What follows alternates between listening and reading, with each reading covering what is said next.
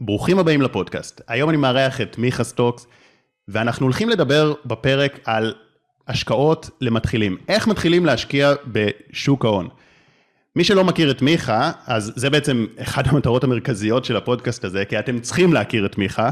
אה, כל יום שתכירו אותו יותר מוקדם, זה יעזור לכם לעשות יותר כסף. ומיכה, אני חייב לך גם תודה אישית, כי אני יכול להגיד לך, וגם למאזינים שלנו, שאני הרבה שנים ידעתי ששוק ההון זה דבר שכדאי לעשות אותו, כדאי להשקיע, זה חשוב, וכל פעם רציתי ללמוד וניסיתי, אבל רק פתחתי סרטונים ופתחתי מאמרים, וזה שיאמם אותי נורא, ואפילו קניתי קורסים ושילמתי כמה אלפי שקלים על קורסים, וניסיתי ללמוד את זה, אבל זה הרגיש לי כמו איזו עבודה סמינריונית באוניברסיטה, ולא היה לי כוח לזה. ומהצד שני גם פחדתי בלי ללמוד בצורה יסודית, כי זה גם טעות. אז ככה שלא ממש, לא ממש נגעתי בשוק ההון בצורה רצינית. ואז נתקלתי יום אחד בערוץ שלך, ככה... אה, בין הראשונים שם, אפילו. כן, היו שם עוד רק 200 מנויים, ואמרתי, מה זה, זה, זה סרטון כזה טוב, איך יש רק 200 מנויים? ואז ראיתי שפשוט אה, העלית רק סרטונים בודדים. אה, וככה כבר מההתחלה הייתה קהילה של מלא אנשים שהגיבו לך וזיהו את, את הזהב הזה שאתה נותן, משהו שהוא באמת נדיר, שאין אותו ביוטיוב, בטח לא בעברית. ו...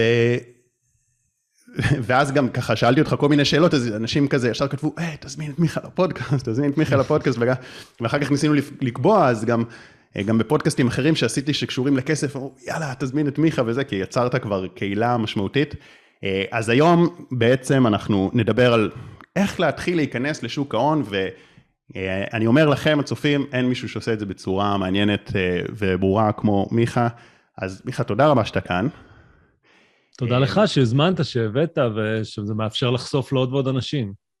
ו- ואני אפתח עם שאלה, בעצם, למה, למה להשקיע? כי הרי יש, יש לנו פנסיות, זה ב, נמצא בשוק ההון, חלק גדול מהפנסיות שלנו, אפשר לעשות קופות גמל, יש כל מיני דרכים שאנחנו לא צריכים להתעסק עם זה בעצמנו. אז למה בעצם לבן אדם כדאי בכל זאת ללמוד בעצמו? אז תשמע, שחר, אני חושב ש... אז שוב, תודה כמובן שהזמנת אותי, ונת... וככה אנחנו נותנים במה לנושא הזה. ואני אתחיל דווקא, עוד בכלל, אני חושב שאנחנו משתמשים בטרמינולוגיות שקצת מפחידות אנשים. מדברים על שוק ההון, מדברים על בורסה, מדברים על מניות. אני מהדור שהדור לפנינו הפסיד הרבה מאוד כסף בגלל איזה הונאת פונזי של הבנקים, אתם מוזמנים, מי שרוצה, שיעשה על זה גוגל, היה על זה, האמת בכאן 11 תוכנית מעולה שמדברת על מה הבנקים עשו, אבל, בנקים בישראל. אבל תעצור שנייה את ה... לא, לא צריך אה, שוק ההון ושום דבר אחר. אני נשאבתי לדבר הזה, ואני אומר, התאהבתי בדבר הזה, בעיקר כי זה מאפשר לי לקחת הרבה מאוד ידע עסקי שצברתי בקר... לאורך הקריירה שלי, ולהבין חברות, מה הן עושות, ולתת להן הערכה למחיר.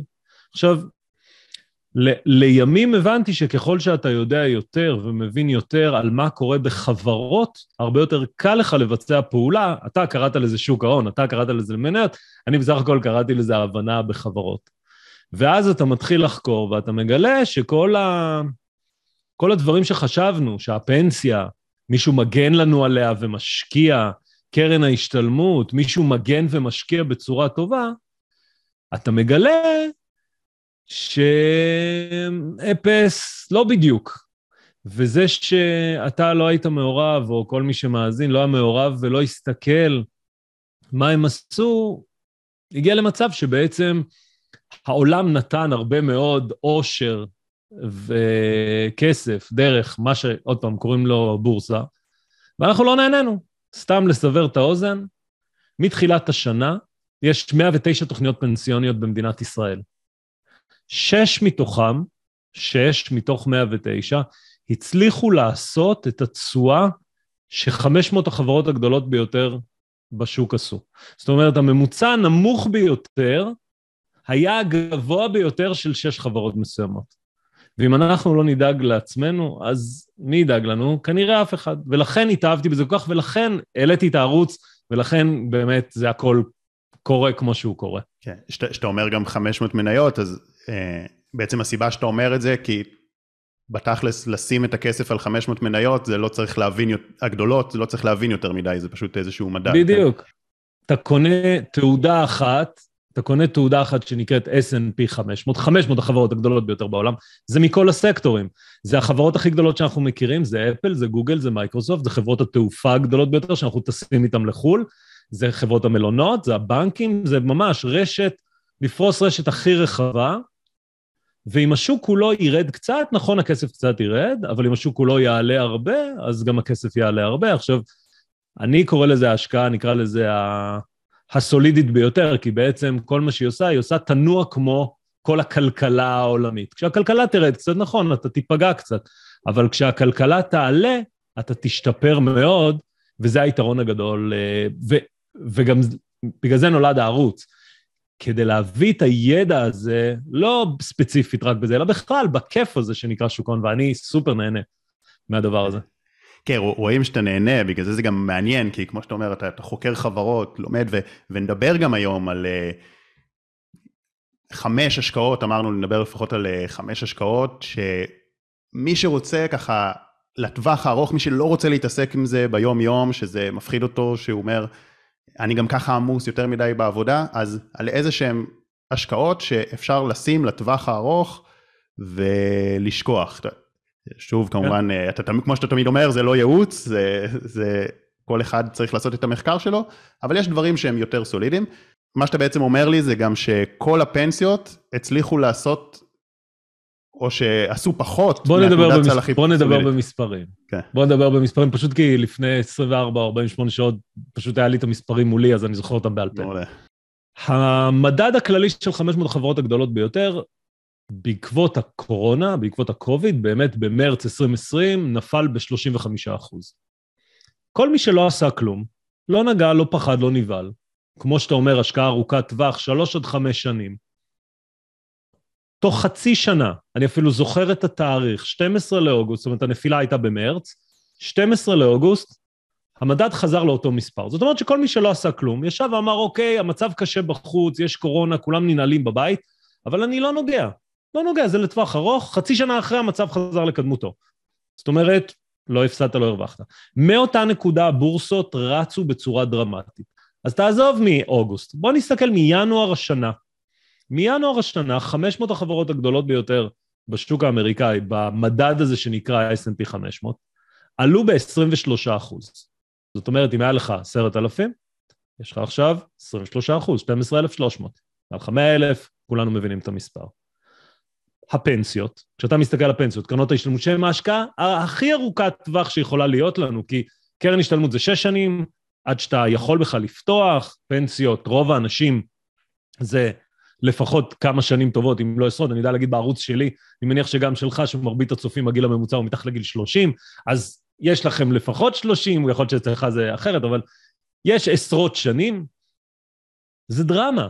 אז 109 תוכניות, קרן השתלמות, אה, תוכניות, תוכניות פנסיונות במדינת ישראל, ומכל מיני סיבות של יותר בטוחות, פחות בטוחות, יותר בטוחות, פחות בטוחות, רק שש הצליחו להגיע למספר שהבורסה עשתה. אפילו אני לא מדבר איתך על מניות שעשו 100 ו-200 ו-300 אחוז, מדבר איתך על המדד הכללי. ולשם הכסף שלנו, וככה נאבד, ככה אנחנו לא מצליחים בעצם להגיע, איך הזה לא מצליחים להגיע לדירה? כי אם הבורסה נותנת לנו 25 אחוז ואנחנו מקבלים 3 אחוז על החיסכון שלנו, איך נגיע לדירה? כן, ו- ואתה יודע מה, אני חושב שלי לפחות, אני לא, לא יכול לדבר בשם כולם, אבל אני אדבר לפחות בשמי, מה שהרתיע אותי הרבה שנים מלהיכנס, זה גם שלא לא לגמרי הבנתי את הפואנטה של הבורסה. אתה יודע, זה נראה לי כאילו, אנשים נכנסים לשם, שמים כסף על מניות, זאת אומרת שמישהו אולי גם צריך להפסיד, זה נראה לי כמו איזה משחק שכנראה אם אני לא יודע את החוקים שלו, כנראה אני אהיה זה שמפסיד. ושאלתי את עצמי גם, אוקיי, למה שבעצם, אתה אומר אפל וטסלה וכל החברות הגדולות, למה, מה אפל צריכה אותי בכלל? זאת אומרת, מה, מה זה מניה? למה המציאו את כל הדבר הזה? זו, זו שאלה, שאלה מעולה, ואני חושב שהיא אחת השאלות אולי בבסיס ההבנה. אז קודם כל, אני לא מסתכל על, על מניה ואני לא מסתכל על הבורסה, אני מסתכל על חברות ועל השקעות. כשאני, ופשוט הדרך שלי להשקיע, בואו, סליחה, לפני זה. כשאני משקיע בחברה כמו אפל, כשאני משקיע בחברה כמו טסלה, כשאני משקיע בחברה כמו מייקרוסופט, כשאני משקיע בבנק כמו בנק אוף אמריקה, או כשאני משקיע אפילו במאנדיי הישראלית, הדרך שלי להשקיע בה, הדרך שלי לקחת את האות M במאנדיי הישראלית, או את הסימן T מהאוטו של טסלה, זה קניית מניה, זה פשוט הדרך שלי לקבל את המקום בהשקעה שלי. אז נכון, בגלל שכמות הכסף שאני משקיע היא קטנה, אני לא יושב בדירקטוריון של אותה חברה. אבל קח את הכסף שלי, תכפיל פי לא יודע כמה, ואני אשב בדירקטוריון של החברה. אני בעצם, בדיוק כמו כל אחד אחר, זה לא אני ספציפית, זה כל אחד שקונה מניה, אנחנו הופכים להיות משקיעים בחברה. המנכ"לים וכל עובדי החברה עכשיו עובדים בשביל שאנחנו, הכסף שאנחנו נתנו לחברה, ועוד שניה נדבר למה הם בכלל צריכים אותנו, הכסף שאנחנו נתנו לחברה יאפשר לחברה להיות יותר טובה, למכור יותר, להרוויח יותר, ואז להחזיר לנו, תמורת השקל ששילמנו, שקל וחצי. זה הרעיון. עכשיו, למה הם צריכים אותנו? כי חברות, כדי לצמוח, בדיוק כמו משכנתה, למה אנחנו לוקחים משכנתה, או למה אנחנו לוקחים הלוואה? כי אנחנו לא יכולים לקנות בית או רכב בלי הלוואה. אנחנו צריכים עוד כסף, ואנחנו מחזירים אותו לאורך זמן. אותו רעיון, גם כשאפל רוצה לגדול, מה היא עושה? היא יוצאת לבורסה, היא מחלקת, בעצם מאפשרת לאנשים להיות שותפים בחברה, ודרך זה היא מגייסת הון. זה בעצם מה שהיא עושה. למה היא עושה את זה? כי היא צריכה עוד הון. למה היא עושה את זה? כי היא רוצה לשתף עוד ועוד אנשים בהשקעות בחברה. למה? כי יש לזה הרבה מאוד סיבות. זה מה שמניע בסוף חברות להגיע לבורסה, היכולת לגייס כסף, ודרך הכסף הזה, לא רק לעשות אקזיטים. אקזיטים זה כאילו, אנחנו אוהבים אה, אולי קצת לצחוק על זה, אבל זאת הדרך שלהם בעצם להכניס יותר כסף לחברה שלא בנויה רק מכוח המכירות שלהם, אלא בכלל מאנשים שנורא נורא רוצים חלק בחברה הזאת. כי החברה מצליחה, כי החברה רווחית, כי כל דבר. ואז החברה מממשת את הרווחיות הזאת בכל מיני דרכים. חלק מזה זה דיבידנדים, שהיא מחלקת לנו חזרה משכורת חודשית. חלק מזה זה היא משקיעה בעצמה וככה צומחת מהר יותר. באמת, זה תלוי פשוט בסוגי החברות. וזה החלק המעניין, שאנחנו הופכים להיות משקיעים בחברות שאנחנו כאילו תמיד הסתכלנו ואמרנו, וואי, איך הייתי מת לעבוד שם? אז עזוב לעבוד, אתה יכול להיות הבעלים של החברה. לא יותר מפתה. ו- ומהניסיון שלך, באמת, יש קשר ישיר בין הצמיחה והרווחיות של החברה לבין השווי של המניה שלה, או העלייה בשווי של המניה שלה? או שזה יותר כזה תנועות של הבורסה שהן כבר אקראיות? אז, אז יש כל מיני אילוסטרציות מאוד מאוד מצחיקות שעונות לך לשאלה הזאת. שאומרות שכשאתה עושה זום אין מאוד מאוד קרוב, אז הכל נראה ככה תזזיתי, עולה, יורד, עולה, יורד, אוי ואבוי, אתה תופס את הראש, זה עלה בחמישה אחוז, זה ירד בחמישה אחוז, אתה אומר, אוי ואבוי, מה קרה? כשאתה עושה זום אאוט לטווח של חצי שנה, פתאום הקו הזה נראה כבר קצת יותר ישר, קצת, קצת גלים, אבל לא דרמטי. כשאתה עושה זום אאוט בראייה שנה או שנתיים, פתאום זה נראה הקו הכי ישר בעולם ועולה כלפי מעלה.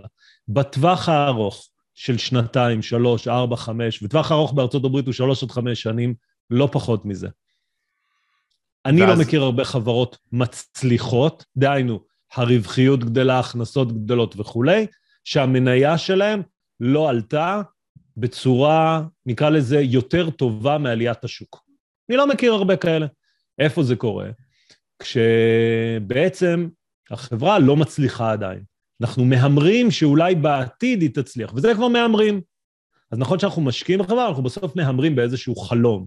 אנחנו, ואז יש כל מיני מילים מקצועיות שמשתמשים בהם שפה פחות רלוונטיים, אבל אני חושב, בסופו של יום, אם משקיעים ב-500 חברות הגדולות, או בחברות הגדולות שאנחנו באמת יודעים מה הן עושות, וכמה הן מוכרות, והכול שקוף ופתוח, אנחנו לא צריכים לנחש. שים גוגל, כל הנתונים מחויבים כל רבעון לספר לנו, כי אנחנו הבעלים שלהם. הם חייבים לספר לנו מה הם עושים, איך הם עושים. זו תפיסה אחרת, זו תפיסה שאנחנו הופכים להיות הבעלים של החברות האלה. כן, אז אמרת בעצם גם, אם אתה מסתכל בזום אין, בטווח קצר בעצם, או בזום אאוט, אז מה ההבדל בעצם באמת במסחר בין אסטרטגיות גם של השקעות, של טווח קצר או טווח ארוך? אה, בעצם, אני מבין גם ממה שאמרת, שבטווח הקצר גם, הקשר בין הרווחיות של החברה לעלייה או ירידה במניה, הוא גם לא, הוא לא בהכרח אה, ישיר. נכון. בטווח... בוא נתחיל ככה, חברה מדווחת תוצאות רבעוניות משם הדיווח כל רבעון. זאת אומרת, אחת לשלושה חודשים אתה מקבל בעצם חשיפה, לא רק לביצועים של החברה באותו רבעון, אתה גם יכול כמובן להשוות אותו רבעון מול רבעון, שנה מול שנה, תלוי אם זה התנהגות עונתית או לא עונתית, אבל בעיקר אתה מקבל, אז אחד, אתה מסתכל על הנתונים העסקיים, כי בסוף אתה שותף בחברה, אתה בעלים של החברה, אתה, אמנם יש לך בעלות מאוד מאוד קטנה, אבל אתה בעלים של החברה, זה אחד. שתיים, אתה שומע את הנהלת החברה, ואתה יכול לעלות לשיחה, כל בעל מניות יכול לעלות לשיחה עם המנכ"ל ועם, ועם הסמנכ"ל כספים, או מי שמגיע לשיחה, ובו אתה שומע, לא פחות חשוב, את התחזית שלהם לעתיד. ושוב, למה? כי אתה משקיע, אתה משקיע בחברה הזאת, הם רוצים שאתה תדע לאן החברה הולכת. אז בטווח הקצר, דיווחי תוצאות קורים רק אחת לשלושה חודשים, אז לא יש, ברמת הנתונים הפיננסיים, רק כל שלושה חודשים אתה תקבל חשיפה למה קורה. בטווח הקצר, אז בתוך אותם שלושה חודשים יכולים לקרות הרבה דברים. המניה יכולה לעלות בחמישה אחוז, לרדת בחמישה אחוז, לעלות בעשרה אחוז, לרדת בעשרה אחוז, יכולה להיות, יכול להיות המון תנודתיות. אפילו לפעמים בטווח הקצר גם יכול להיות שבועות ולפעמים גם חודשים. אבל בטווח הארוך, כשאתה הולך אחורה ואתה אומר, אני השקעתי בחברה לשלוש עד חמש שנים, כי אני מבין את ה vision, אני רואה שהיא עולה בקצב שרציתי, הביצועים שלה עולים בקצב שרציתי, שוק ההון ידע לתגמל אותך בהתאם. איפה הבלבול שקורה? וזה אחד הדברים, אני כבר שש וחצי שנים גר בארצות הברית, מכאן זה מיכה מאמריקה, אמ, זה שאני, ההשקעות שלי בהתחלה, ואני כבר מעל 20 שנה משקיע בדרכים כאלה ואחרות בשוק ההון, זה אמרתי שאני משקיע ארוך טווח, אבל התכוונתי בעצם שחס וחלילה שהמניה לא תרד חמישה אחוז, כי אז אני אמכור אותה. ואחד הדברים שלמדתי פה זה שאנשים מסתכלים 20-30 שנה קדימה, הם לא, הם בכלל לא חושבים על למכור מניות, הם אומרים, אני אוריש את זה לילדים שלי. ואתה אומר, מי חושב ככה? תנו רגע לעשות את הכסף המהיר, וזהו. ואז אתה מגלה שהרצון הזה לנצח את השוק, בסוף בא mm. בעוכריך. כי אתה מפסיד הרבה מאוד קפיצות, כי בדיוק אמרת, אה, היא יורדת, היא בטח תמשיך לרדת, ואז היא קופצת ופספסת. כל מיני דברים כאלה. ו- ולכן הטרמינולוגיה של השקעה ארוכת טווח זה באמת לבחור חברות טובות, אפשר מהגדולות ביותר, אפשר קטנות יותר, אבל טובות, ולהישאר, ולא להיבהל כשהן יורדות קצת, ולא להיבהל כשהן עולות קצת, כי בסוף, בטווח של השלוש עד חמש שנים, חברות טובות גדלות. יש מעט מאוד חברות שבשלוש עד חמש שנים באמת... עכשיו, הכל יכול לקרות, אין בעיה, תמיד אפשר למכור, זה היתרון. תמיד גם אפשר להוסיף, אבל בסוף אם משקיעים בחברות טובות, אנחנו המשקיעים מתוגמלים. כן, אז אתה מדבר פה שבעצם לבחון שווי של חברה ולבחון איזה חברה טובה, אבל אם צופים בערוץ שלך, אז בסופו של דבר אתה כן בוחן גם ניתוחים טכניים, אתה כן גם עושה טריידים, זאת אומרת, אתה משקיע, נכון. אבל אתה גם trader, אז אה, האם אתה יכול נכון. גם, גם להסביר אולי על ההבדל בין משקיע ל trader, וגם מה אתה ממליץ לאנשים או אז, איך בן אדם יכול לבחור את האסטרטגיה שנכונה לו. כן. מעולה. אז בואו נתחיל קודם כל עם ההגדרות. השקעה ארוכת טווח, קרן השתלמות פנסיה, או בכלל, אם יש לנו כסף ואנחנו לא, לא רוצים להתעסק עם זה כל יום, אפשר לא לגעת גם. לא לגעת, להשקיע, זה לא עולה כסף לקנות, כאילו, אחרי שיש לך את המניות, זה לא עולה לך להחזיק אותם או משהו כזה. לא נוגע, זה שלוש, בואו נשים את זה במספרים, שלוש עד חמש שנים. שלוש עד חמש שנים זה טווח ארוך. מתחת לזה, זה כבר לא טווח ארוך. עכשיו, אנחנו ישראלים, אנחנו לא... מה אתה אומר לי שלוש עד חמש שנים? איפה אני יודע מה יהיה שלוש עד חמש שנים? אז בוא נאמר, אפשר אה, לעקם את זה, להגיד שנה עד שנתיים. משם מתחיל טווח ארוך ואילך. מתחת לזה, זה trading. זה נשמע מוזר, מה פתאום, מה זה? כי בסוף כשאתה חושב על זה, אם חברה מדווחת תוצאות רבעוני, רבעוניים, אחת לרבעון, אתה מקסימום תראה שלוש-ארבע תוצאות רבעוניות בשנה, אתה לא תראה יותר מזה, כי מה לעשות, זה כל רבעון, נכון? אז אתה לא באמת משקיע ארוך טווח אם אתה כל הזמן חושב איך להיכנס ואיך לצאת. ולכן, בערוץ, אחרי שאנחנו מבינים בעצם מה ה-DNA של כולנו פחות או יותר, אז יש היום יותר משקל באמת לאנשים שמה לעשות, כשמניה יורדת ב-20%, זה מפריע להם והם רוצים לצאת. ולכן אני משקיע יותר בניתוחי גרפים, מה שאתה קורא לו ניתוח טכני, ובעיקר להבין התנהלות, ואני משתדל בערוץ באמת לתת, יש לי כזה וידאו שהוא יחסית וידאו אה, אה, מהיותר נצפים, איך קוראים גרף של מניה בצורה פשוטה, שלא עכשיו תמיד הפחידו אותנו, וואי, איזה מסובר, איזה באמת, כשאתה רואה ב-20 דקות, אתה אומר לך איזה, אוקיי, לא כזה מסובך, הבנתי, ואז אפשר לבחור האם אני קונה ביקר או האם אני קונה בזול חברות שאני אוהב? זאת השאלה בסוף שאתה צריך לענות עליה. והיא נכונה לאם אתה עושה trading על פני כמה ימים או כמה שבועות, ודרך אגב גם נכונה לאם אתה כל יום נכנס יוצא, נכנס יוצא, זה גם נכון. אתה רוצה לקנות בזול ולמכור ביקר. זה מה שאתה רוצה לעשות. כן, זאת אומרת, אבל שאם אתה, אתה נכנס ויוצא כל כמה ימים, אז זה כבר פחות על ה... כן, זה כבר פחות על השווי של החברה, זה יותר להסתכל על אה, דברים שהם... לגמרי. כוחות שוק כאלה ואחרים. בכל מה שהוא פחות משנה, אפילו שנתיים, אני אישית חושב, ויכול להיות שיהיו חלק מהצופים שלך שיגידו, מה פתאום, הוא טועה, וזה בסדר, זה לגיטימי לחשוב אחרת. אה, אני אישית חושב שבטווח זמן, בציר זמן קצר משנה, לנתונים, נקרא לזה, לפונדמנטלס, מה שנקרא, לנתוני הרווח והפסד, אין כמעט משמעות.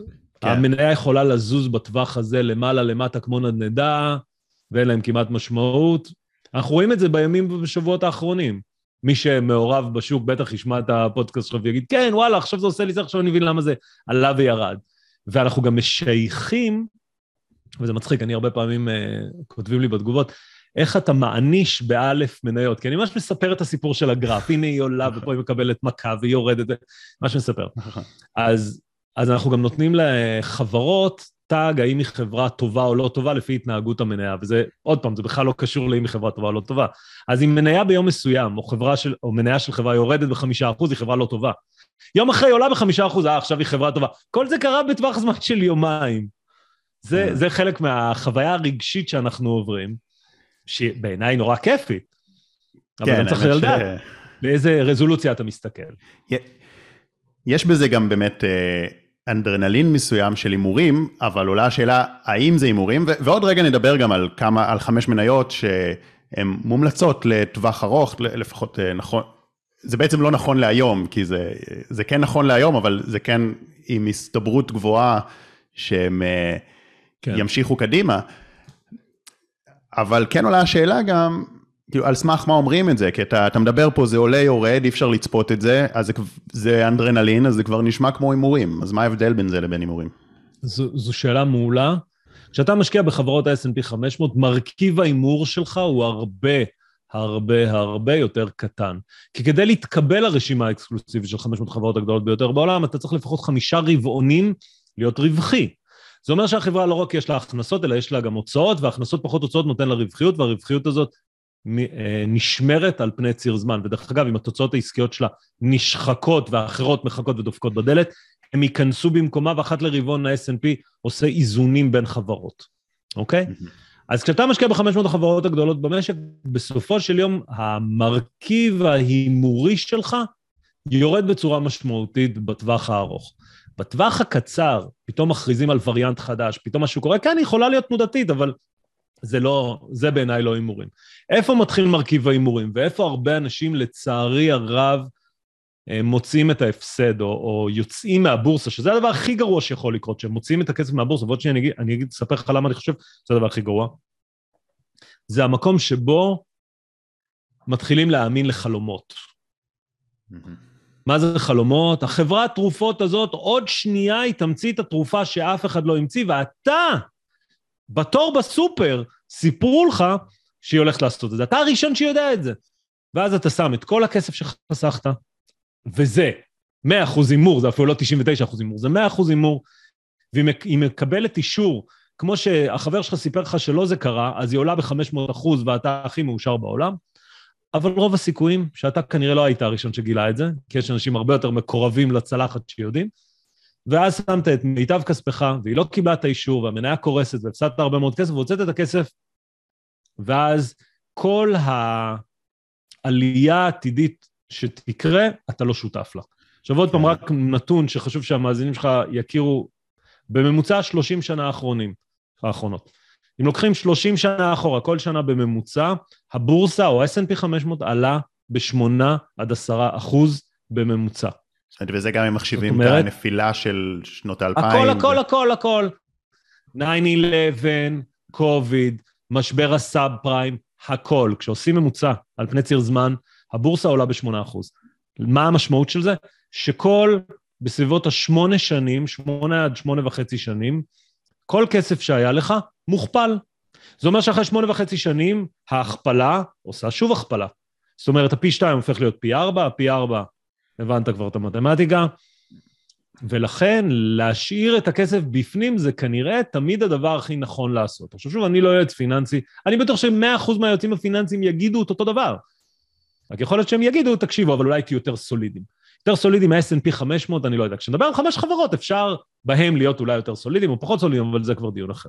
כן, בסך הכל אמרת פה באמת משהו די סוליד, אמרת גם אה, שהגרידיות הזאת של אני רוצה להיות הראשון שנכנס לחברת תרופות הזאת שתשנה את העולם, ו, אה, וזה מובן, כי, כי אנחנו שומעים גם הרבה מהאנשים שמשקיעים בבורסה ופעילים ברשתות החברתיות, אז הם כחלק מהשיווק שלהם והמכירות שלהם, הם מראים לייפסטייל מסוים, ו...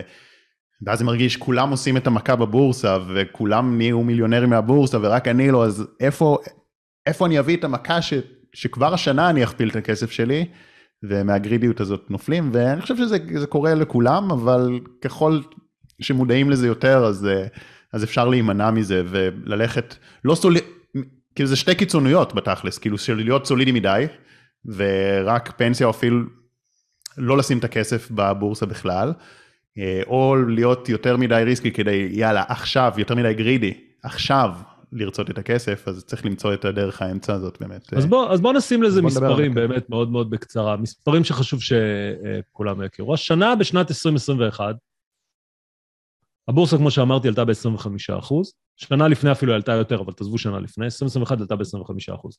אני אתן לך שמות של חברות, שלהערכתי, אתה תכיר את כולן, אוקיי? לאו לא דווקא הם יהיו החברות של העתיד, אבל רגע, אני אתן לך אינדיקציה על חברות וכמה הם, כמה השווי שלהם השתפר. תחשוב על זה כשווי, אתה כמשקיע, יכולת להשקיע בחברות האלה, ושווי הכסף שלך היה משתפר. במה אנחנו כולנו עושים חיפוש? בגוגל, נכון? גוגל, ביוטיוב, זה גוגל. גוגל השנה עלתה, נכון להיום שאנחנו מקליטים את זה, 63 אחוז. אותה גוגל שלי, שלי, הרי לא המציא שום דבר חדש גוגל השנה, אתה מסכים איתי? 63 אחוז. NVIDIA, הצ'יפ שלנו במחשבים, בכל מחשב שיש לנו כמעט יש NVIDIA, עלתה השנה 146 אחוז. כן, מטורף. אני יכול להמשיך. מייקרוסופט, מרביתנו משתמשים בווינדוס, 48 אחוז. אפל הייתה צנועה עד עכשיו, עלתה רק ב-23 אחוז. עכשיו, יש גם כאלה שלא עלו כמו השוק. אמזון לדוגמה, ושים לב, אני מדבר איתך רק על החברות הכי גדולות בעולם, אפילו לא מדבר כן. איתך על קטנות גדולות. אז אמזון באמת רק עלתה בחמישה אחוז, רק עלתה, רק חמישה אחוז, כן? האינפלציה, דרך אגב, בעולם היום נעה בין 4 ל-6 אחוז. זאת אומרת שהכסף שלנו שכב בבנק הפסיד 4 עד 6 אחוז, אלה חברות שיכלו להגדיל לנו את הכסף ב-4 עד 6 אחוז. ויש עוד הרבה, כי כדי להגיע לממוצע 25 אחוז, אז אתה מבין שיש עוד הרבה, שאחוזי העלייה שלהם הרבה יותר גבוהים, וזה מותגים הכי גדולים בעולם, מנייקי לפפסי, לאקסון מובייל ושברון ומקדונלדס ווילס פארגו, אתה יודע, אני יכול מכל הסקטורים כמעט לתת לך דוגמאות כאלה. כן, אז אז אם באמת אה, נלך לספציפי, כי אני חושב שזה גם אה, חלק ממה שמאוד יפה בערוץ שלך, שאתה לא מתבייש להגיד ספציפי ולהכווין אנשים, כמובן באחריות, אתה לא אומר לאנשים מה לעשות, אתה משתף בדברים שאתה רואה. כן. ו... אבל אני חושב שיש בזה כוח, כי, כי אנשים בסוף רוצים לשמוע את הדעה, אם הם בונים בך אמון, רוצים לשמוע את הדעה, אז בוא, בוא נדבר על כמה מניות וגם ככה הייתי רוצה גם לא, לא רק uh, name dropping, לא רק לזרוק את השם שלהם אלא גם איזשהו נימוק, כי אני חושב שזה מה שיפה במה שאתה עושה, שאתה ככה עם, עם התשוקה שלך חוקר ו, וכל היום על הדברים האלה וחוקר את החברות האלה ולמה אתה חושב שהן השקעה טובה לטווח ארוך. אז בוא נדבר על כמה חברות כאלה ולמה אתה חושב גם שהם ימשיכו לצמוח. אז כשאני מסתכל על חברות, אפילו אני לוקח זום אאוט מזה ואני מסתכל על סקטורים. Mm-hmm. ואני אומר, אוקיי, בעוד שלוש עוד חמש שנים, איך העולם ייראה ומי יוביל את המהפכה הזאת? אז נתחיל עם אולי ההחזקה הכי גדולה שיש לי, וכולם יודעים, אני גם מזכיר אותה כמעט בכל וידאו, ואני באמת חושב שמה שהם עושים אתה כבר צוחק כי אתה יודע, כן. וזוהי טזלה, או טזטה, או טזלה, אני קורא לה טזלה עם uh, Z ולא עם S, לא משנה, יש לזה זה, הסבר ארוך. אה, יש גם מתווכחים איתי שאני צודק או זה ממש לא משנה, אבל טסלה, למה? כי בעצם העולם הולך לעבור מהפכה דרמטית של החלפת כל המכוניות ממכוניות מנוע בעירה למכוניות חשמליות. אנחנו רואים את זה במדינות הנורדיות בעיקר, שוודיה ונורבגיה, ששם המהפכה פשוט התחילה בקצב מואץ, והיום הם בנקודה שאף אחד לא רוצה לקנות רכב אחר, רק רכב חשמלי. טסלה היום היא יצרנית הרכב החשמלי הגדולה ביותר בעולם, כשהיא רק הולכת ופותחת עוד ועוד מפעלים, ובעצם היום הצרה הכי גדולה שיש ליצרניות הרכבים החשמליים, זה שהביקוש גודל על היכולת שלהם לייצר. זה מצב אדיר לכל מי שרוצה. וכמובן, מתוך המחקר שאני עשיתי על החברה, היא הרבה יותר מייצרנית רכב, היא מייצרת חומרה ותוכנה, היא מייצרת את התוכנה מאחורי הרכב החכם. יש לי גם טסלה, אז אני גם מכיר את הרכב עם, עם נהג אוטומטי, עם ה full self driving וכולי, נהג אוטונומי, סליחה, עם ה full self driving וכולי, והיא בעיניי, בוא נאמר, בה אני מחנה הכי הרבה כסף. יש לי כמובן אה, אה, מחירי מטרה, שאני לא אציין אותם פה, אבל מחיר מטרה זה איפה אני מעריך שהמחיר מניה ביחס לאיכשהו היום יהיה ב-2025 ו-2030.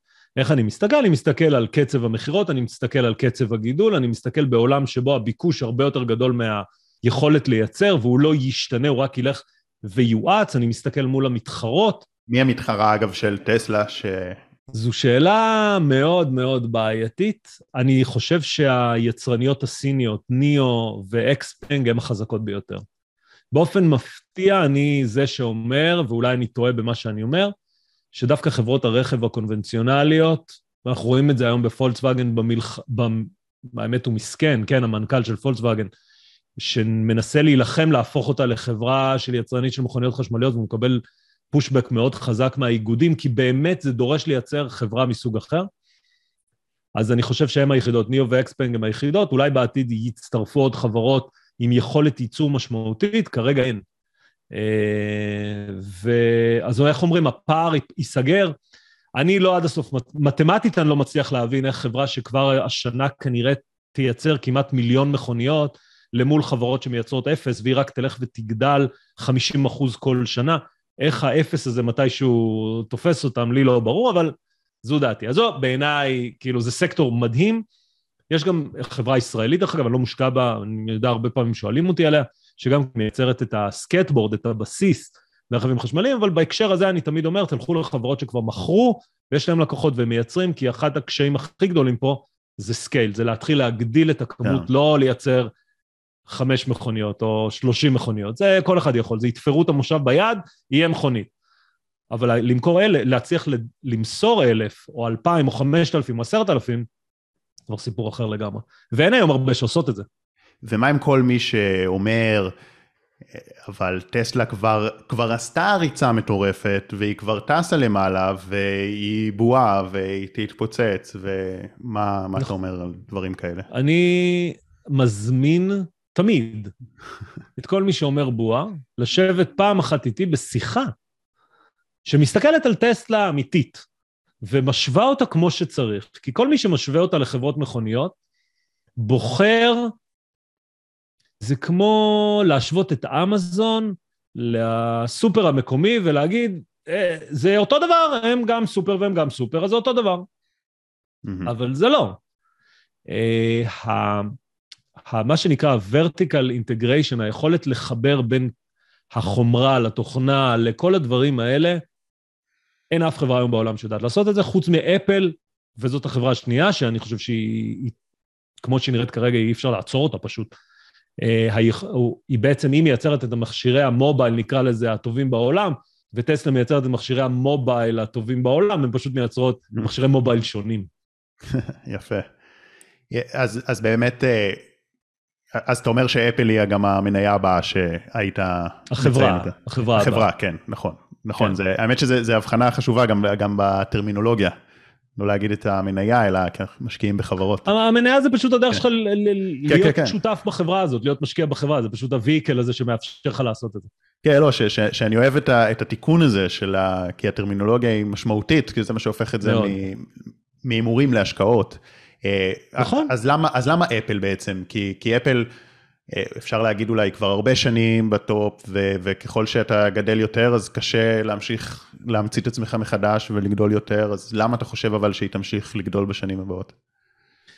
אז אפל זה סיפור מעניין. Uh, כולנו זוכרים את סטיב ג'ובס, חלקנו אפילו קראנו את הביוגרפיה, אני מאוד ממליץ לקרוא אותה, כי היא באמת מאפשרת ככה להבין יותר טוב. אותו אחד, וולטר אייזקסון, שכתב את הביוגרפיה שלו, כותב את הביוגרפיה, דרך אגב, לאילון מאסק, שהוא המנכ"ל והמייסד של הרבה מאוד חברות, ביניהם המנכ"ל של טסלה. הוא כותב אותה ממש בימים אלה. אז בואו נדבר רגע על סטיב ג'ובס ועל מה קרה. בעצם, אפל עברה כל מיני גלגולים לאורך ההיסטוריה שלה, והגלגול האחרון שכולנו מכירים אותו כבר היום הוא מאז השקת האייפון. לימים, כמה שנים אחרי השקת האייפון, סטיב ג'ובס נפטר בגלל מחלה, וטים קוק נכנס להחליף אותו. למה אני מספר את כל הסיפור הזה? כי זה קרה לפני פחות או יותר עשר וחצי שנים. מניית אפל בעשר וחצי שנים, עם מנכ"ל שהוא איש תפעול מהטובים בעולם, אבל לא ויז'נרי. המניה, אפרופו השקעת הכסף שלנו, עלתה בעשר וחצי שנים האלה באלף אחוז. אלף אחוז, זה אפרופו לשאלתך על טסלה, אם היא בועה או לא בועה או זה, אז אפל גם בועה. אבל אפל לא בועה.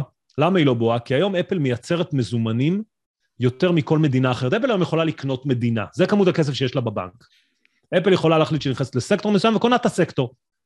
היא, היא הגורילה, היא המניה או החברה הכי גדולה היום בבורסה, ב-S&P המניה הכי גדולה, ההשפעה שלה היא הכי משמעותית, והיכולת שלה להניע שוק היא, היא דרמטית.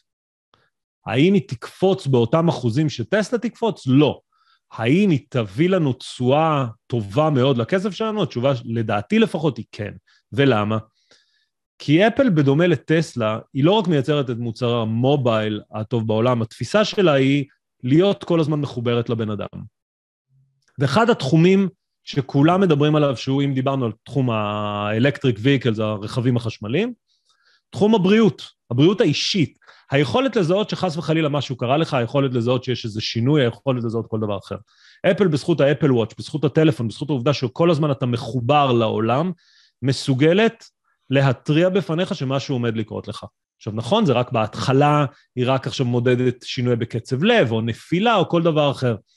אבל היי, יש כבר סיפ... מלא סיפורים על אנשים שנפלו, והשעון נתן התראה, והתראה התגלגלה לדיווח, לקריאת אמבולנס וכולי. קח את זה עכשיו כמה שנים קדימה. אפרופו, תסתכל שלוש עד חמש שנים קדימה. אתה מסכים איתי שהטכנולוגיה תאפשר לשעון, לטלפון, לכל דבר אחר, להיות אולי אחד ממוצרי הבריאות האישיים הטוב בעולם, המתקדמים בעולם? Mm-hmm. אז זה רק מרכיב אחד של מה שאפל יכולה להיכנס אליו. אני בכלל לא מדבר על כל נושא הסטרימינג והטלוויזיה וטד לאסו, שקיבל הכי הרבה, זה סדרת, ה, נקרא לזה קומדיה, דרמה קומדית, לא יודע איך, איך קוראים לזה, קיבל הכי הרבה פרסי אמי בתחרות האחרונה, והוא שם אותה בתור, נקרא לזה חברת סטרימינג משמעותית. אני בכלל לא מדבר על האייפונים ועל אייפדים ועל המקבוקים, ואתה יודע, כאילו, וזה עוד לפני, לפני, לפני אותו פרויקט שנקרא פרויקט טייטן, שמדברים על זה שהיא תשיק אפל קאר. כי הרי מה המוצר ה mobile האולטימטיבי? רכב חשמלי. אז מי אם לא חברת ייצור תוכנה חומרה המתקדמת ביותר בעולם שתייצר רכב חשמלי? אז גם על זה יש הרבה מאוד שמועות ודיונים, וזה מעלה את המניה של אפל ומוריד את המניה של אפל ועושה הרבה מאוד עניינים טקטיים. אבל בסוף, אם אתה לוקח צעד אחורה, אתה אומר, איך אפשר שלא להיות מושקע באפל? כן, אוקיי, וואו, משמעותי. באמת, אה, וזה יפה לראות איך שאתה ככה... אני בטוח גם שאם הייתי עכשיו, אם היינו עושים עכשיו פודקאסט על אפל, היית יודע לפרט אה, לעומק, כי, זה, כי אתה באמת חוקר את זה ביום יום כ, כחלק נכון. מההשקעה, זאת אומרת, מבין בחברה ומה נכון. הפוטנציאל שלה. אה, כי בסוף זה. תקשיב, בסוף זה הכסף שלנו. הרי לפני שאנחנו קונים כן. מסך למחשב ב... לא משנה, אלף שקל או אלף חמש מאות שקל, אנחנו נחקור 14 מסכים שונים, נראה 17 סרטוני יוטיוב כדי לחסוך 150 שקל בין חנות לחנות. כן. אז כשנשקיע עשרות אלפי שקלים או מאות אלפי שקלים, לא נחקור איפה אנחנו משקיעים אותם? כן, זה, זה, זה נכון, ו, ואני חושב, אבל מתי אנשים לא קשה להם לחקור וקשה להם להשקיע הרבה זמן כשזה משעמם להם, ואז קשה להם. ואני חושב שזה מה שיפה, ובגלל זה אני אומר, לכו ותעקבו, ואם אתם פה, לכו ותעקבו אחרי הערוץ של מיכה, כי, כי אתה עושה את זה מעניין. אה, וכאילו עם, ה, עם ההסבר על החברות עצמם. ואני חושב שזה מה שיפה, ואני מאמין גם ש... אתה יודע, אתה עם עוד אנשים, אבל אני חושב שאתה עושה את זה בצורה המשמעותית ביותר, שגם נראה יותר, בכללי יש מגמה, בכללי יש מגמה עכשיו שיותר אנשים מצטרפים לבורסה, שיותר אנשים מבינים את החשיבות של זה, וזה טוב, ו, ואתה חלק משמעותי מהמגמה הזאת בישראל. אז תלכו ותצטרפו גם למגמה הזאת. אז איזה, איזה עוד חברה, ככה טווח ארוך? אז תראה, אני מנסה לתת לך מגוון מכל מיני... סקטורים uh, שונים. סקטורים, סקטורים שונים. אז בוא נעבור רגע לסקטור הפיננסי. הסקטור הפיננסי הולך לעבור מהפכה. Uh, נדבר על זה בטח בחברה החמישית או התחום החמישי, אבל הולך לעבור מהפכה משמעותית, כי בעצם התשתית מאחורי הקלעים שנבנתה היא תשתית מאוד מאוד מיושנת. נבנתה לפני עשרות שנים. רק לסבר את האוזן, נגיע לזה בחברה החמישית פחות או יותר, רק לסבר את האוזן, היום כדי להעביר כסף מאחד לשני, מהחשבון שלי בארץ לחשבון שלי בארצות הברית, לוקח כמה ימים, ועולה לי הרבה כסף עמלת העברה, לא כי מישהו מנסה לגבות ממני עמלה שלו, כי ככה המערכת הוקמה. זאת אומרת, היא הוקמה בצורה עקומה, כשהגיע האינטרנט, לפני 20 שנה, לא ידעו מה יעשו עם האינטרנט.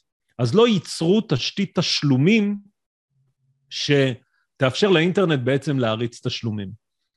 ולכן בהקשר הפיננסי, להערכתי הבנקים, כפי שהם היום, לא ייראו אותו דבר בעוד שלוש עד חמש שנים.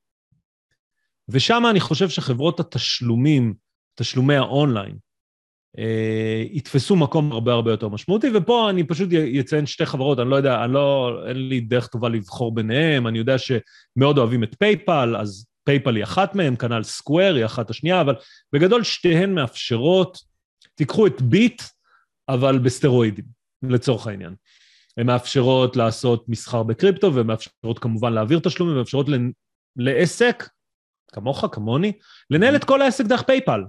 בכלל לא לפתוח חשבון בנק, לא לפתוח בנק, לא כל דבר, לא לפגוש אף אחד בבנק, לא לבזבז שעה כדי לפתוח חשבון או כל דבר, אתה מכניס את הפרטים, לוחץ apply, אם יש הכל בסדר, בום, פותחים לך חשבון, הכל מתנהל שם, התשלומים, המשכורות, הכל מתנהל בפייפל.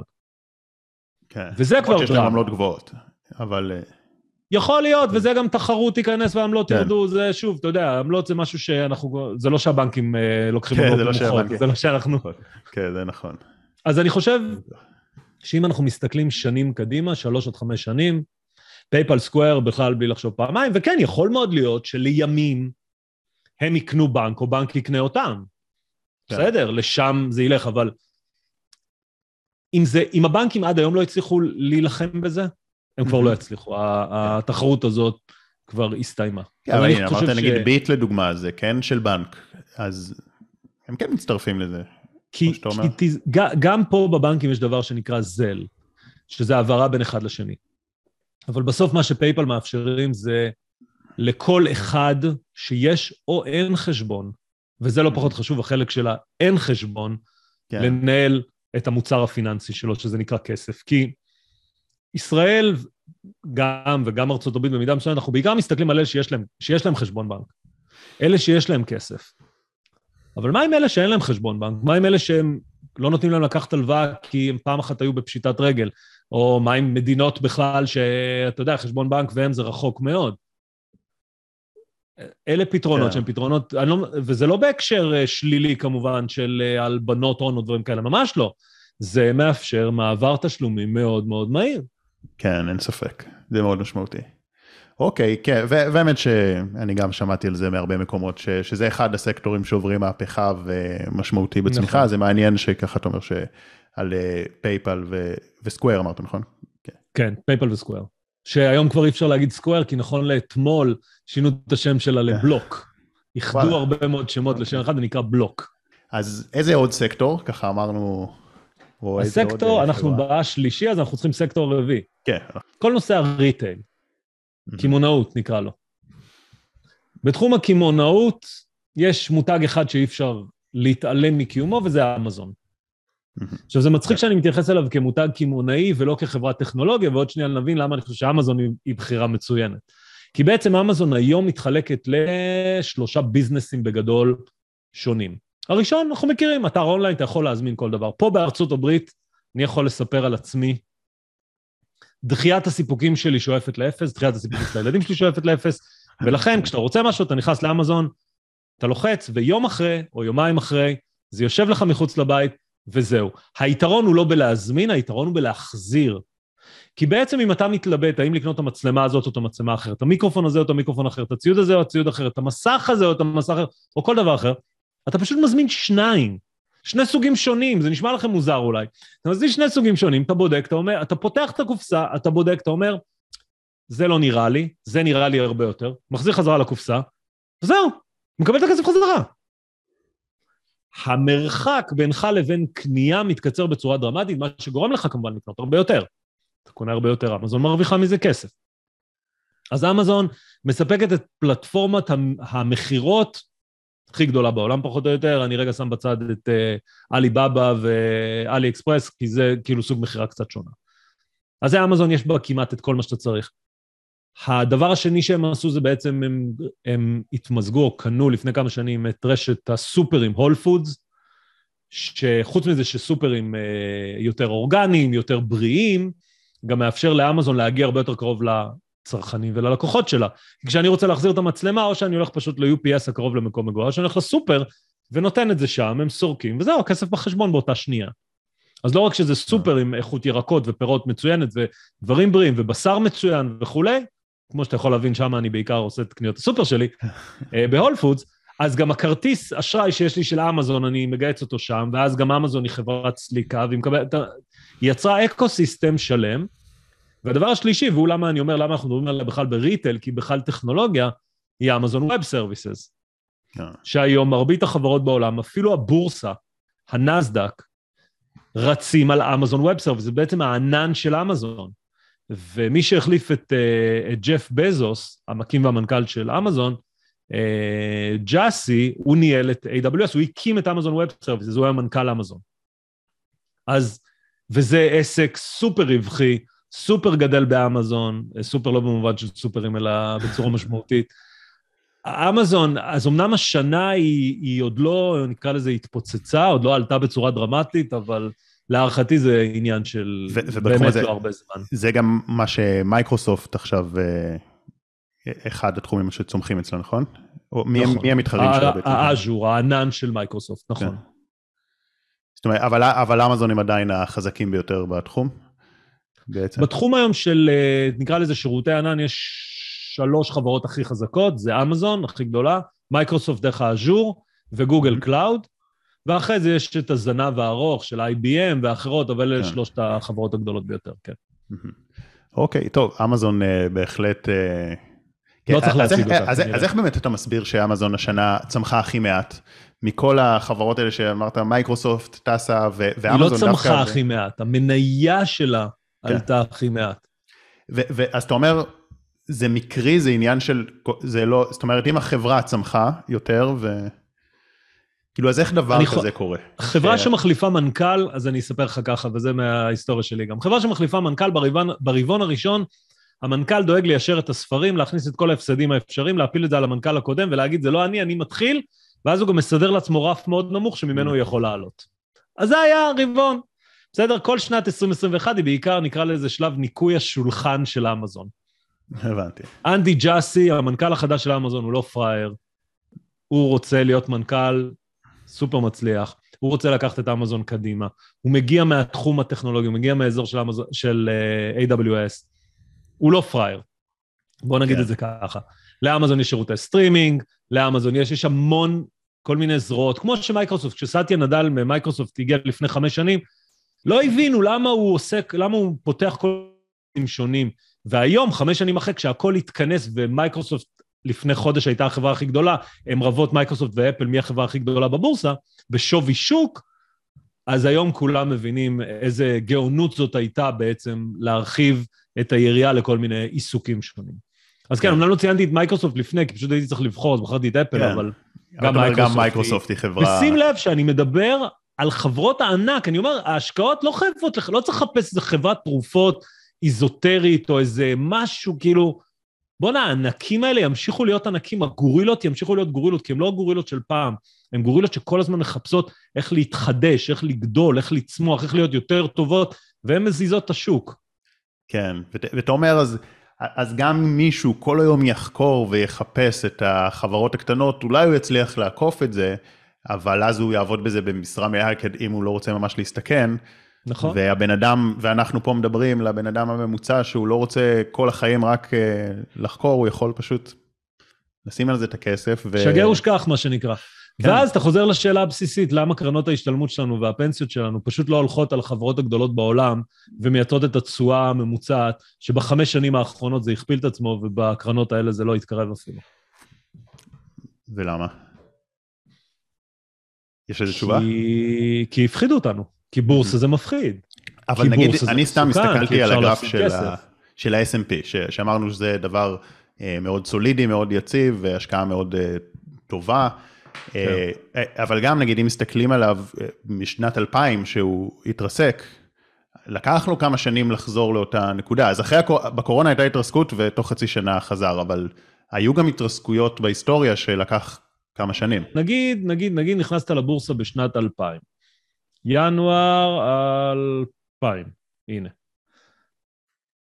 מינואר 2000 עד היום, התשואה של ה-S&P 500, ואנחנו כן, מה לעשות, השקעות ארוכות טווח. אם אתה טריידר, כן. אז אתה טריידר, אבל אם אתה לא טריידר, מאז ועד היום, הכסף שלך הוכפל או גדל ב-200 אחוז. זאת אומרת, הכפלה פעם ראשונה זה 100 אחוז, ואז כאילו עוד 100 אחוז. זאת אומרת, הכפלת פי 4. כן. שזה כאילו שבאמת ל-20 שנה זה, זה אבל אתה אומר, וזה נכון. עדיין טוב אבל.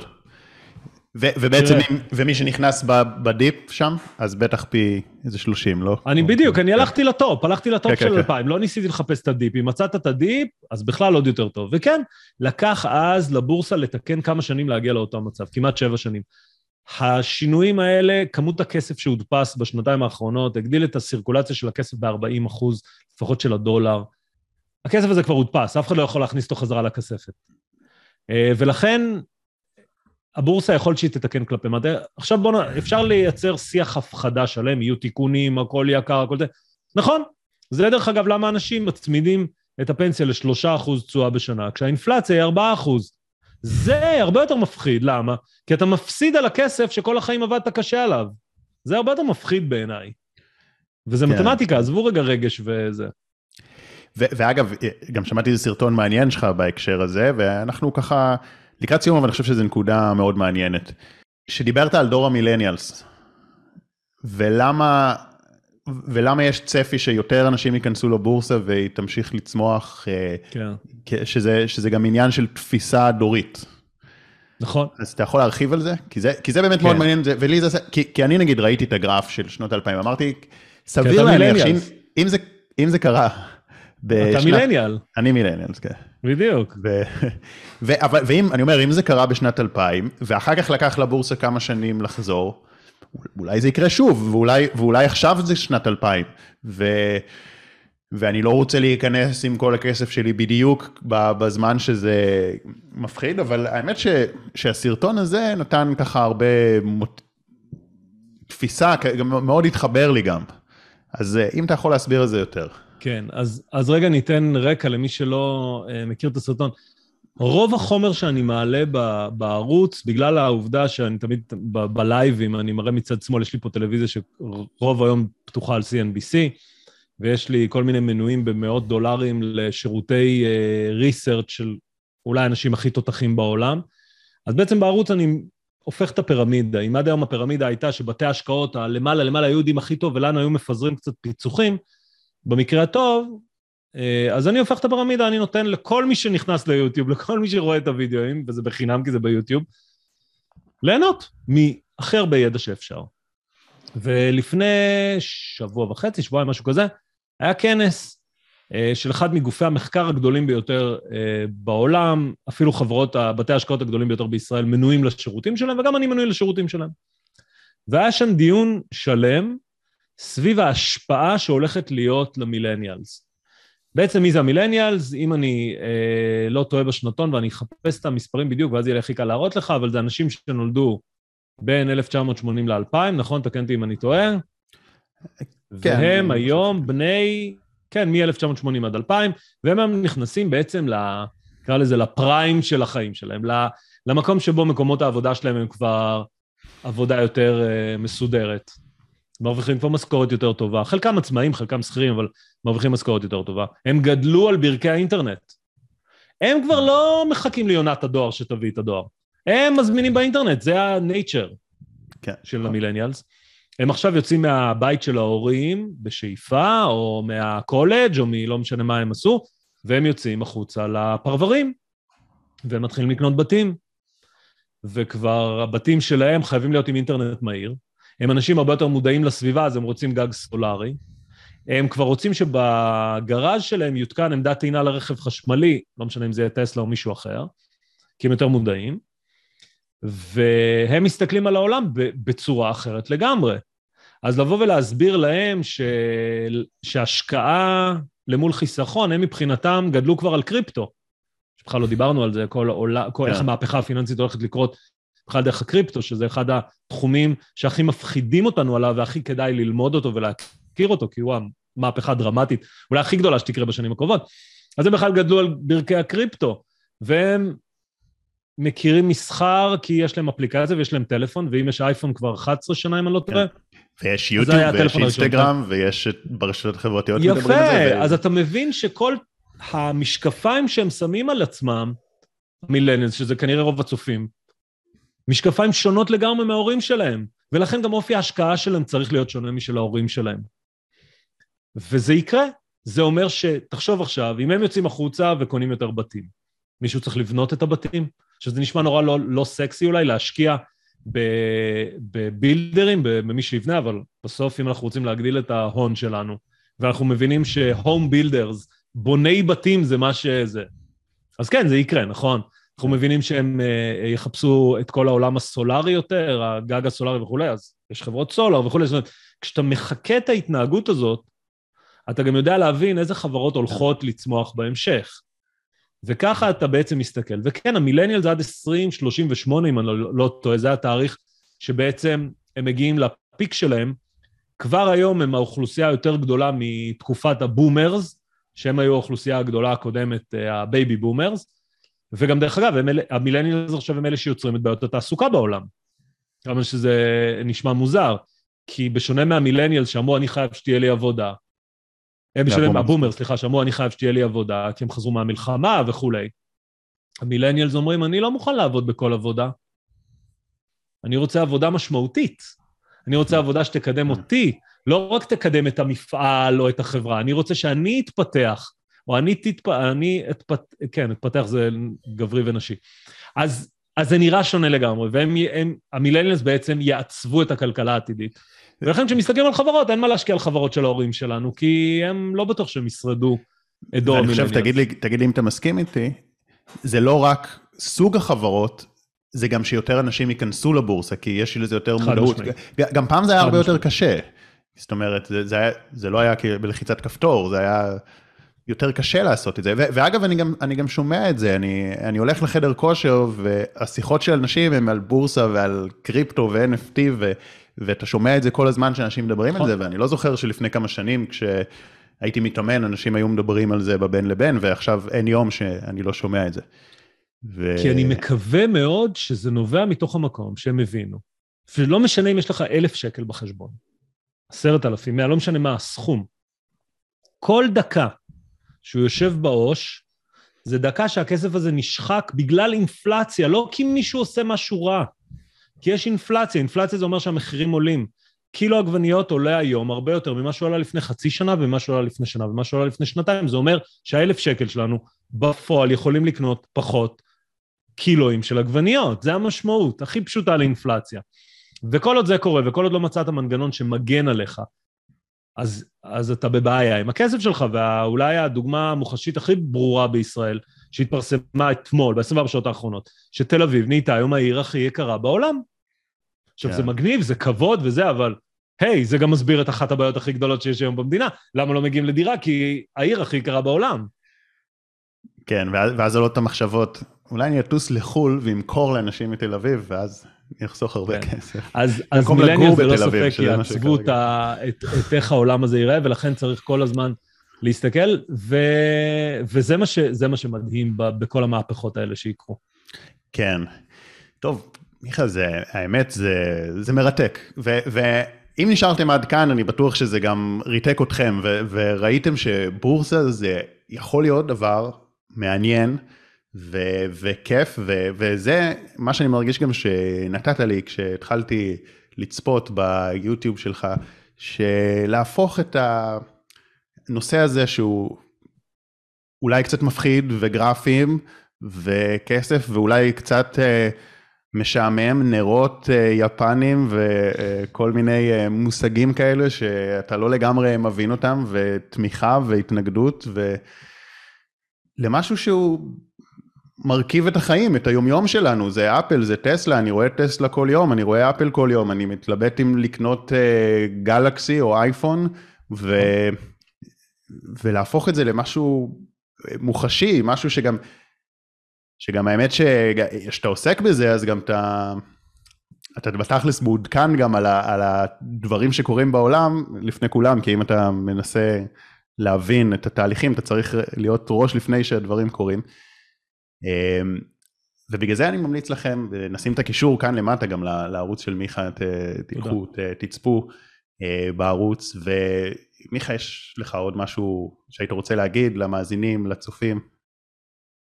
אז שוב, המון המון תודה שככה יצא לנו בסוף לעשות את זה. האמת, אנחנו גוררים את זה כבר כמה כן. חודשים, ואני חושב שזו דווקא הזדמנות מצוינת אה, לחשוף כמה שיותר אנשים. תראו, אני בדור שגדל, וכמו שאתם רואים לפי כמות השערות על ראשי, אה, אני בדור שגדל על, אה, על זה שבורסה זה מפחיד, זה מסוכן, הפסידו וכולי.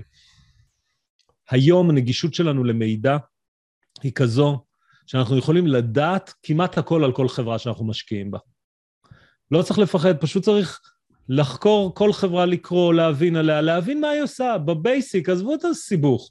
בסוף אם יש חברה שאתם הולכים וקונים ממנה עוד ועוד, זו כנראה חברה שאתם אוהבים. אז אם אתם אוהבים, תשאלו את עצמכם למה אתם אוהבים, למה אחרים כמוכם אוהבים, ותחקרו על החברה, ואז תהפכו להיות הבעלים של החברה, הבעלים זה מניות. ו... יש באמת אולי איזה, איזה כללי זהירות קריטיים שהיית נותן לאנשים, כי, כי דיברנו פה שיחה די אופטימית, ו, ובכל זאת אה, יש סיבה גם למה אנשים, אז נגיד, במשפט נגיד, או מה, איזה, איזה עצת זהירות היית? אני במשפט אחד אומר, אני, אני אגיד על עצמי, אני לא משקיע בחברות שאני לא מבין מה הן עושות. אני לא מהמר.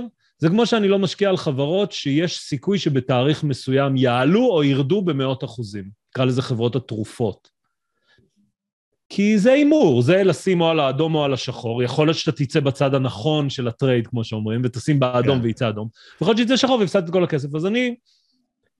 איך, יש כזה אמירה שבשוק... לחשוב טווח ארוך ולא גרידי, שזה, שזה זה באמת, זה קשה, זה קשה, כי, כי אתה רוצה נכון. להביא את המכה, אבל זה צריך להיות לא גרידי. אבל המכה ו... בסוף תגיע, כן. כל אחד ישאל את עצמו בחמש שנים האחרונות, האם הכסף שלכם הכפיל את עצמו, הכפיל פי שתיים.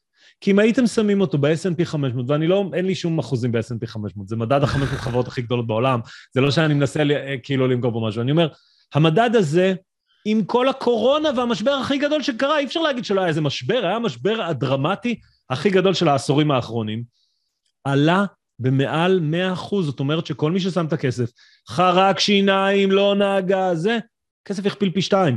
כל מי שהיה לו כסף מחתונה, בר מצווה, חסכונות, לא משנה מה, יכל להכפיל פי שתיים. כל מי שפחד ונבהל והוציא, כי הפחד ניהל, לא חזר פנימה ולא ניצל את העלייה כלפי מעלה, ופשוט חבל. וכן, זה אחד הדברים שאנחנו מדברים עליו בערוץ, פשוט לדעת יותר, לא לפחד מזה. זה לא מפחיד, זה לא רק uh, החכמים יודעים, רק אם יש לך תואר יועץ פיננסי, לא סתם אני תמיד מתבדח, ש... זה גם נכון, דרך אגב, שאני לא יועץ פיננסי.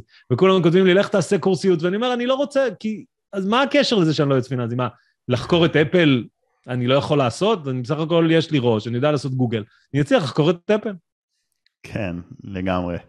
אמ, וכן, זה, זה אני חושב אולי המסר, כי מצד אחד לא לפחד, ו, ובעיקר אולי, זה אולי המסר המרכזי, לא לפחד, ללמוד, אבל גם באמת ללמוד, ולא רק כזה לזרוק. ואם אתם בכל זאת רוצים פשוט לשים, אז uh, אמרנו לכם פה, uh, מיכה אמר דברים שהוא מאמין ומעריך שימשיכו לעלות שהם uh, סולידיים. כמובן, עדיין כדאי לעשות את המחקר, ו... כי, כי בסוף, אני חושב שיש לנו את הרצון, בגלל, זה, זה, לא רק, זה לא רק שזה משעמם אנשים, זה לא רק העניין של העניין, אני חושב שאנשים גדלו עם אמונות מגבילות מסוימות על כסף, כסף מקושר אצלם למשהו מלחיץ, בגלל שהם חוו מחסור ו... ממיליון סיבות, כסף מקושר ללחץ, ו... ובגלל זה הם לא רוצים להתעסק בזה ואומרים שהקרן גמל תתעסק בזה ולא אני אתעסק בזה, אבל זה טעות. זה כאילו קצת ללמוד בזה, לא כל אחד צריך להבין, אבל לפחות את הבסיס, זה הכסף שלנו. אם, אם אנחנו לא נחקור ונלמד, אז מי יעשה את זה? והיום יש כל כך הרבה ידע, אז זה פשוט לא חייב אפילו כל יום, אבל פעם בלהתעדכן, זה מעניין. אה, וזה, זה אני חושב אה, אולי אפילו מסר עוד מעבר לכל המסרים. כאילו, לקחת אחריות על הכסף שלנו. נכון, ממש ככה. כי אף אחד אחר לא ידאג לכם לכסף, או ידאג לנו לכסף. באמת, רואים את זה במספרים, הם לא דאגו. שש מתוך 109, זה המספר שתמיד יהדהד לכם בראש. כל פעם שאתם חושבים שמישהו דואג לכם, שש מתוך 109. וכן, יש לזה הסברים, אני יודע, אבל אני לא אוהב שמתרצים לי את ההסברים. זה... נתנו למישהו לשמור לנו על הכסף. שש מתוך 109 שמרו, כל השאר, לא. כן. טוב, מיכה, אז באמת תודה רבה, אני חושב שיש פה כמות אדירה של ערך, גם בפודקאסט הזה, כמו בכל סרטון שאתה נותן, כל פעם כל כך הרבה ערך וכל כך הרבה ידע. אה, אז באמת, תודה רבה לך. ולכל מי שמאזין, אם אתם צופים עד כאן, אז קודם כל, נשמח שאם אהבתם את זה, תעשו לייק, כי זה עוזר לי להבין איזה סרטונים אתם אוהבים ומה להביא עוד, ואם מעניין אתכם, אם זה עניין אתכם ואתם רוצים עוד פרקים ועוד אה, פודקאסטים בנושא הזה, אז גם תכתבו לי כאן, כי אני קורא הכל ואני מתייחס, וזה משפיע על מי אני אביא.